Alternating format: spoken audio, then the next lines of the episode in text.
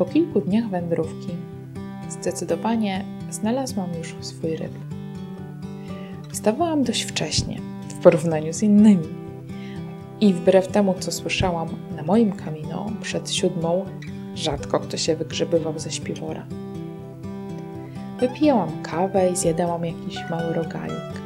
Wychodziłam grubo przed innymi, bo wiedziałam, że chcę iść powoli i spokojnie. Kiedy zatrzymywałam się po godzinie marszu na prawdziwe śniadanie, mijali mnie towarzysze z noclegu. I tak oto mogłam spokojnie iść dalej, spotykając naprawdę niewiele osób. Tego dnia, wychodząc z Orio i zmierzając do przepięknego miasteczka Debe, pierwszy raz umówiłam się na spotkanie z moją ekipą. Od tej pory spotykaliśmy się dość często. Zupełnie tylko nie wiem kiedy i jak, w którymś momencie zaczęli się rozpływać i zniknęli. Tak to już na Camino jest. Wśród tej ekipy była Maria z Brazylii, Hanna, Czeszka z Londynu, Józef z Portugalii, Krystyn z Danii. W różnych miejscach miłam się z różnymi osobami. Na kilku noclegach e, spotkałam parę przyjaciół z Australii. Zachwycili mnie swoją prostotą, no i wiekiem. Oboje mieli 75 lat. Mnóstwo spotkań zostało w mojej pamięci. Bardzo ważna była dla mnie wolność i akceptacja, jaka jest na kamieniu. Nikt nie krytykuje cię za nic. Jesteś wolny.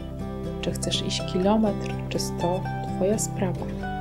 Nie ma znaczenia, w jakiego Boga wierzysz, jakie mówisz językiem i jakie poglądy wyznajesz. Każdy jest otwarty na każdego. Taka jest specyfika kamina. Dla mnie było to niezwykle otwierające. Spuściłam trochę powietrza z mojego wiernie napompowanego balonika tego, jaka powinna być. W jednej z rozmów Hanna mówiła, że jest jej czasem trudno kondycyjnie z powodu kręgosłupa.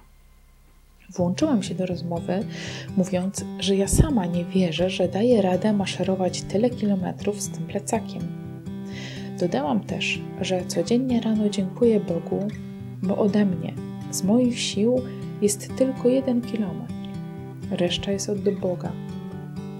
Niestety, pod wpływem zmęczenia pomyliłam się w angielskich słówkach, używając for zamiast from.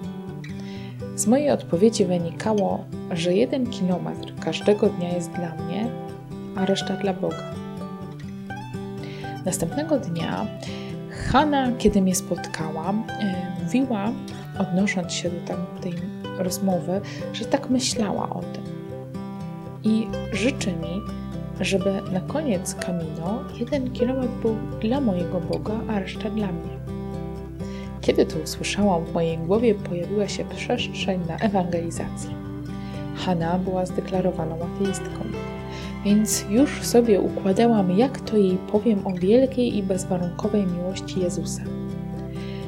Jak jej pokażę, jakie to jest piękne i w ogóle. I zaczęłam.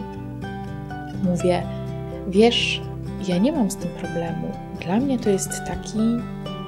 Tu zawahałam się, szukając odpowiedniego słowa co Hanna podpowiedziała: balans. Ja na to: tak, balans. Hanna powiedziała tylko: aha. I rozmowa była skończona. Poczułam, jak ktoś przykłada igłę do mojego balonika pychy nawracania. Balonik pękł, a mi naprawdę chciało się śmiać z samej siebie. Ta rozmowa pozwoliła mi po prostu wyluzować gumkę w gaciach. Otworzyłam się na moich nowo poznanych znajomych. Wśród nich była m.in. buddystka i muzułmanka. Rozmowy z nimi, naprawdę głębokie, zostaną we mnie na długo. Ale bardziej od rozmów zostanie we mnie ten klimat. Klimat wzajemnej akceptacji, otwarcia na innego, klimat codziennego marszu, gdzie naprawdę nie ma znaczenia, kim jesteś i w co lub kogo wierzysz. W tej wędrówce jesteśmy równi.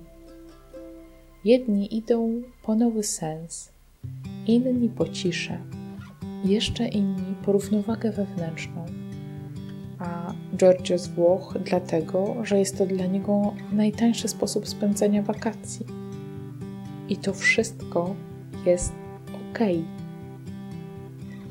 Jestem Bogu niesamowicie wdzięczna za to doświadczenie.